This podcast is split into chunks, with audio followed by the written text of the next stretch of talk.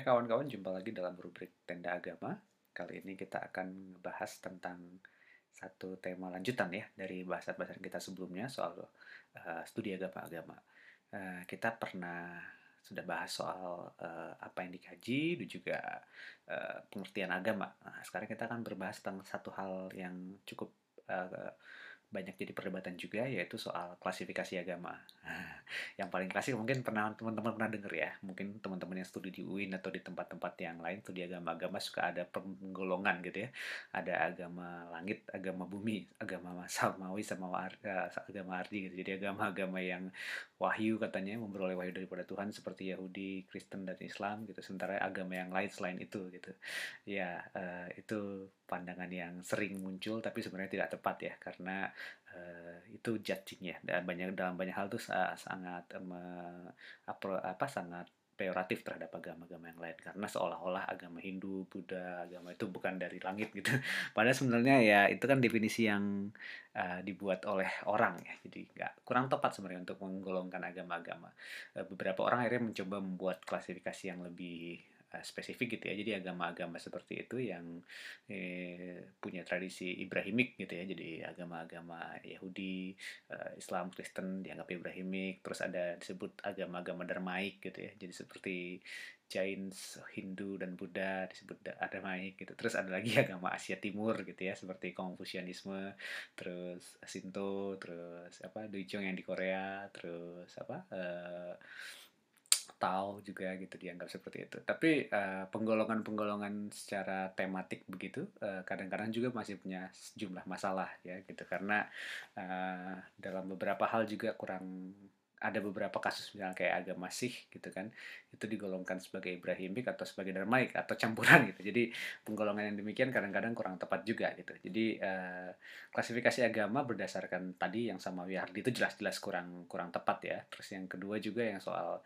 tematik peragama-agama tema seperti itu akhirnya memang agak kurang kurang di apa ya eh, kurang bisa mencakup semua permasalahan gitu. Ada juga yang akhirnya memilih dengan berstudi kawasan gitu ya, jadi per wilayah langsung gitu. Jadi eh, agama-agama di Asia Barat Daya, agama-agama di Eropa, agama-agama gitu. Dan dalam beberapa kasus juga memang penting juga uh, uh, disandingkan dengan sisi historis perkembangan agama tersebut ya. Jadi ada agama-agama seperti apa Nah, memang pasti ada perbedaan gitu ya antara Muslim di Semenanjung Arabia dengan di Afrika Utara dengan di Asia Tenggara gitu. Jadi itu juga uh, jadi kajian wilayah juga kadang-kadang bisa membantu untuk uh, menggolongkan. Tapi ya ternyata tidak tepat juga ya karena dalam beberapa hal ya kita harus tahu ada agama-agama yang secara besar memang uh, diyakini oleh cukup banyak dan menyebar luas gitu ya. Jadi beberapa akhirnya mencoba dengan mengkategorikan seperti ini ya. Jadi uh, ada agama yang sifatnya universal gitu agama-agama dunia hitungnya gitu. Jadi agama-agama dunia yang pengaruhnya cukup banyak di dunia. Terus ada agama-agama lokal yang lokal. Terus yang ketiga tuh golongannya yang agama-agama uh, gerakan baru gitu ya new new wave-nya agama jadi dia memisahkan ada tiga jenis dari dari sisi pengikutnya dan sejarahnya gitu. Jadi ada agama dunia seperti agama-agama yang dianut mungkin lebih dari 5 juta orang di dunia ini ya gitu. Jadi kayak Islam Kristen Yahudi terus Bahai uh, Hindu Buddha Jains uh, Konfusianisme gitu. Jadi itu disebut agama dunia terus juga uh, apa ada agama yang sifatnya lokal gitu ya. Hanya ada di beberapa wilayah tertentu gitu ya. Seperti di wilayah-wilayah ya agama tradisional di Indonesia, agama-agama di Afrika gitu ya, agama-agama di Asia Tengah gitu. Tapi ya dalam beberapa juga memang agak kurang tepat karena memang ada kasus-kasus seperti misalnya Zoroastrian, Zoroaster ya. Zoroaster kan sempat jadi agama yang cukup universal di zamannya gitu ya. Jadi cukup besar sekali. Ada juga kayak kasus memang perpaduan antara agama lokal dengan agama yang universal gitu ya seperti itu. Karena uh, dalam banyak hal itu suka berkelindan. Seperti kita melihat misalnya kayak uh, Buddhisme di di, uh, di Tibet dan di uh, Jepang ya gitu. Walaupun Shinto dan Bon gitu ya, agama lokal di Jepang maupun agama lokal di Tibet itu mencoba untuk menarik garis tapi memang kadang-kadang garisnya agak susah dipisahkan mana yang Shinto mana yang kita tahu ya di sejarah Jepang misalnya restorasi Meiji mencoba memisahkan mana yang khas Shinto sekali mana yang Buddhisme tapi ya dalam banyak hal kadang-kadang agak sulit karena memang sudah sangat lekat di keseharian walaupun akhirnya memang harus dipisahkan secara identitas formal seperti itu. Hal yang sama saya kira juga terjadi di agama-agama tradisional di Indonesia ya gitu. Dan juga teman-teman Hindu Dharma di Bali gitu ya. Uh, akhirnya disebut jadi Hindu kan karena memang kepentingan identitas gitu ya. Walaupun sebenarnya cukup banyak paduan yang lain. Pasti ada pengaruh Buddhisme di sana pengaruh uh, agama tradisionalnya Indonesia juga di sana gitu. Jadi uh, itu yang akhirnya membuat kadang-kadang penggolongan berdasarkan agama besar agama lokal dan agama gerakan baru itu kadang-kadang agak sulit ya. Karena kayak misalnya lebih bahaya juga kan kadang-kadang akhirnya dikategorikan sebagai agama Ibrahimik gitu kadang-kadang. Tapi ya itu perbedaan perbedaannya seperti itu. Dan penggolongan bahwa yang tadi ya klasifikasi berdasarkan tiga segmen tadi itu juga kadang-kadang bisa dipakai tapi memang kadang-kadang juga perlu dikritisi kembali. Ada juga yang menggolongkan berdasarkan asumsi tentang the supreme being-nya ya sesuatu yang ilahi sesuatu yang supranatural yang diyakini gitu. Jadi akhirnya kita tahu lah ya ada penggolongan monoteisme ada apa politeisme ada animisme dinamisme gitu kan semua istilah-istilah itu kadang-kadang memang uh, agak peyoratif karena umumnya dibuat oleh orang-orang yang berlatar agama Ibrahimik ya Yudeo Kristianiti maupun yang Muslim. Jadi uh, uh, ada ada ada sedikit judgement memang di balik itu sehingga akhirnya digolongkan yang demikian. Karena dalam beberapa kasus kita harusnya menemukan istilah-istilah baru yang lain juga ya gitu. Karena mungkin gini, kayak misalnya waktu melihat agama-agama Nusantara orang langsung berpikir ah itu mah animisme, dinamisme gitu. Karena kayaknya nggak pernah menyebut soal Tuhan yang gimana banget gitu, nggak ada pribadi yang ini tapi menyembah leluhur gitu kan. Padahal sebenarnya itu karena salah persepsi ya. Maksudnya orang mungkin tidak mendalami lebih jauh gitu ya. Saya kasih contoh misalnya dalam tradisi Sunda itu ada sebutan untuk sang hyang taya gitu sang maha tiada gitu jadi ya sesuatu yang being yang pers itu memang nggak harus personal tapi memang mereka mengakui ada keberadaan being yang besar sekali tapi justru lebih baik tidak terlalu disebut namanya gitu ya. Jadi uh, itu hal yang lain gitu ya. Antara dibilang monoteisme harusnya monoteisme juga tapi pemaknaannya mungkin berbeda seperti monoteisme yang di agama-agama Ibrahim yakini gitu ya. Kayak Hindu juga sebenarnya mau digolongkan ke yang mana pun nanti jadi bisa gitu ya. Karena ada yang bilang apa, apa, apa politeis panteisme panenteisme atau monisme atau mungkin non teis ya dalam beberapa kasus gitu. Jadi uh, karena tradisi Hindu atau Sanata Dharma itu kan sebenarnya merangkum begitu banyak tradisi Vedantik yang cukup besar dengan uh, ide-ide yang berbeda-beda soal kelahian dan penghayatan yang berbeda-beda, uh, cara bakti yang berbeda-beda sehingga akhirnya disebut sebagai satu kesatuan agama yang mana juga agak sulit ya karena yaitu penggolongan tadi makanya penggolongan berdasarkan uh, supreme being yang diyakini itu kadang-kadang memang uh, agak uh, kurang bisa mendalam ya. Karena kadang kita menyembahkan sesuatu.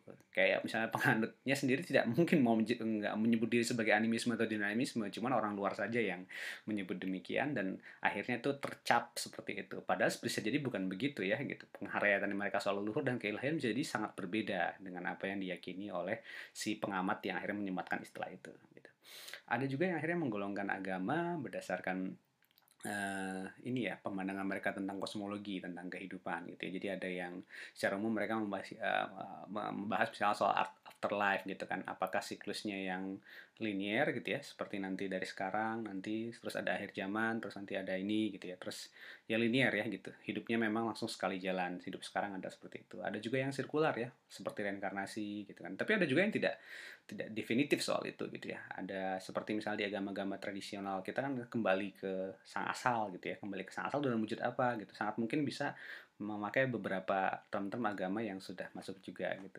Dan batasnya kadang-kadang memang agak sulit. Nah kalau teman-teman belajar agama-agama kadang-kadang eh, seolah-olah sudah harus punya pola ya.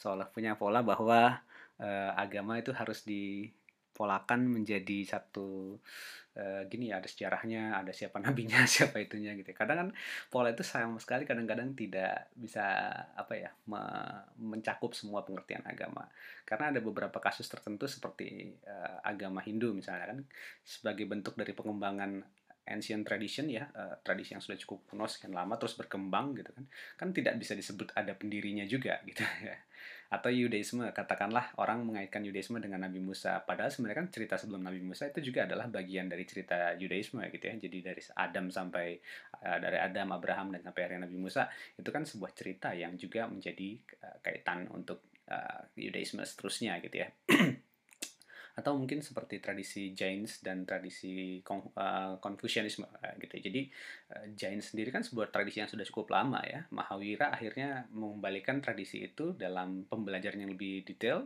sebagai Tirtankara yang uh, salah satu dari Tirtankara sebelumnya gitu ya. Jadi ada cukup banyak uh, Tirtankara guru-guru yang menunjuk jalan sebelumnya sebelum Mahavira gitu. Atau seperti kasusnya Konghucu, uh, Konghucu itu waktu itu kan salah satu orang nabi yang sudah di zaman itu ya. Jadi uh, dia mengembangkan tradisi yang luhur itu akhirnya sampai kepada umat umat awam, tidak tidak terbatas di lingkup istana saja. Ajaran moralnya tidak terbatas di lingkup istana saja gitu ya.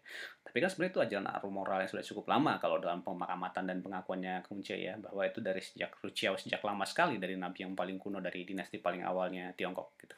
Jadi ya dibilang Konghucu, kita kan kita yang menyebutnya Konghucu gitu ya, karena kita sebagai pengamat melihat Konfuse yang menambahkan padahal sebenarnya kan itu Ruchiao ya jadi agama tradisional yang sudah cukup lama berkembang di Tiongkok. Ada formalisasinya terus akhirnya ada ritual-ritualnya dan akhirnya dibahasakan oleh Konghucu sehingga akhirnya orang lebih mengerti orang-orang mengerti tidak terbatas pada kalangan istana semata. Itu yang akhirnya jadi unik juga karena kan kalau ditarik garisnya dari mana itu yang agak sulit. Nah teman-teman eh, penggolongan agama ini sebenarnya bukan sesuatu yang harus mutlak ya. Jadi saya sebenarnya lebih suka kalau kita uh, menseleksinya berdasarkan wilayah boleh, demografis boleh gitu ya. Berdasarkan sejarah perkembangan jauh lebih baik gitu ya. Sehingga akhirnya kita bisa menemukan titik-titik yang klasifikasi yang cukup ajak tapi kalau bisa memang cukup ada kecualian ya. Jadi jangan hanya dibatasin begitu terus ini patok di sini, tidak begitu juga karena memang akhirnya beda-beda satu titik kadang-kadang kita juga tidak bisa membedakan antara satu agama satu aliran dalam agama tertentu yang kadang-kadang mungkin di luar agama atau dalam agama. Itu juga kadang-kadang debatable ya gitu. Jadi sama seperti kasusnya uh, beberapa uh, beberapa mazhab dalam Kristen Islam atau Buddhisme juga gitu kan. Apakah masih dianggap sebagai golongan ini atau bukan itu kan jadi sangat sangat mainstream ya. Sangat uh, tergantung kepada sudut pandang yang mana. Jadi saya kira memang penggolongan agama-agama itu perlu dilakukan dengan selektif dan dengan berbagai banyak variasi ya. Saya lebih menyarankan memang bentuk yang uh, lebih ke demografis dan historis gitu ya. Dan perkembangannya disorot masing-masing dan juga di hayati. Kalau mau dikelompok-kelompokkan berdasarkan kemiripan ajaran bisa, tapi pasti akan akan e, bergeser beberapa hal gitu ya. Mungkin yang pakem kita masih bisa bisa bisa lihat kayak Ibrahimik misalnya. Itu juga masih debatable ya apakah cuma Islam Yahudi Kristen aja? Apakah uh, Samaria? Harusnya Ibrahimik. Bahai kan harusnya Ibrahimik gitu kan? Atau Drus ya mungkin juga bisa jadi Ibrahimik. Tapi apakah nah itu kan pertanyaan berikutnya gitu kan. Atau apakah yang semua monoteis Ibrahimik tidak juga gitu kan. Zoroastrianisme itu bukan Ibrahimik tapi ya monoteis gitu kan. Atau yang dualis seperti ya misalnya agama-agama di Asia Tengah semacam Yazidi atau agama Mandean itu seperti apa lagi gitu. Nah itu yang perlu kita yakini karena memang sangat luas ya penggolongan-penggolongan yang sifatnya uh, sangat tertentu apa dengan membatasi yang seperti yang kita yakini itu kadang-kadang ternyata tidak tepat gitu ya. Nah, itu yang jadi uh, persoalan juga dalam klasifikasi agama teman-teman. Tapi uh, sebisa mungkin kita tidak pakai batasan yang terlalu gampang ya, maksudnya terlalu judgmental seperti tadi agama langit, agama bumi itu kan konsep yang selalu sangat judgmental sekali gitu. Nah, kita mencoba untuk menggali beberapa kemungkinan gitu dan beberapa bentuk-bentuk penggolongan yang pernah ada gitu ya, entah itu per lihat gerakannya atau lihat wilayahnya atau lihat historisnya atau lihat konsep-konsep ajarannya itu juga menarik. Tapi yang jelas memang pasti akan ada beberapa kekecualian dan kita akan bertemu itu gitu ya. Jadi kategori-kategori yang kita pakai kemarin di definisi agama itu juga akan diuji ulang dalam saat kita mulai menggolong-golongkan gitu ya, mempelajari masing-masing agama. Mempelajari itu sangat menarik teman-teman bisa per uh, agamanya atau per rumpun atau per wilayah atau per kajian historis gitu ya, per uh, time timeline sejarah. Itu semua cukup menarik untuk dipadu-padankan. Jadi uh, saya kira uh, untuk masalah klasifikasi atau penggolongan atau pengelompokan agama-agama itu persoalan yang sangat menarik untuk ditantang kita untuk merentang ulang pemikiran kita soal definisi agama juga dan soal ciri agama. Ya itu jadi bahan untuk teman-teman nanti. Coba lihat begitu banyak klasifikasi-klasifikasi yang pernah dibuat oleh para ahli apa aja yang sudah apa aja yang belum apakah teman-teman puas dengan klasifikasi itu atau perlu membuat klasifikasi baru. Nah kita lihat di tema berikutnya. Uh, simak terus obrolan di tenda agama. Kita akan ngobrol dengan santai tentang studi agama-agama dengan gaya yang lebih santai.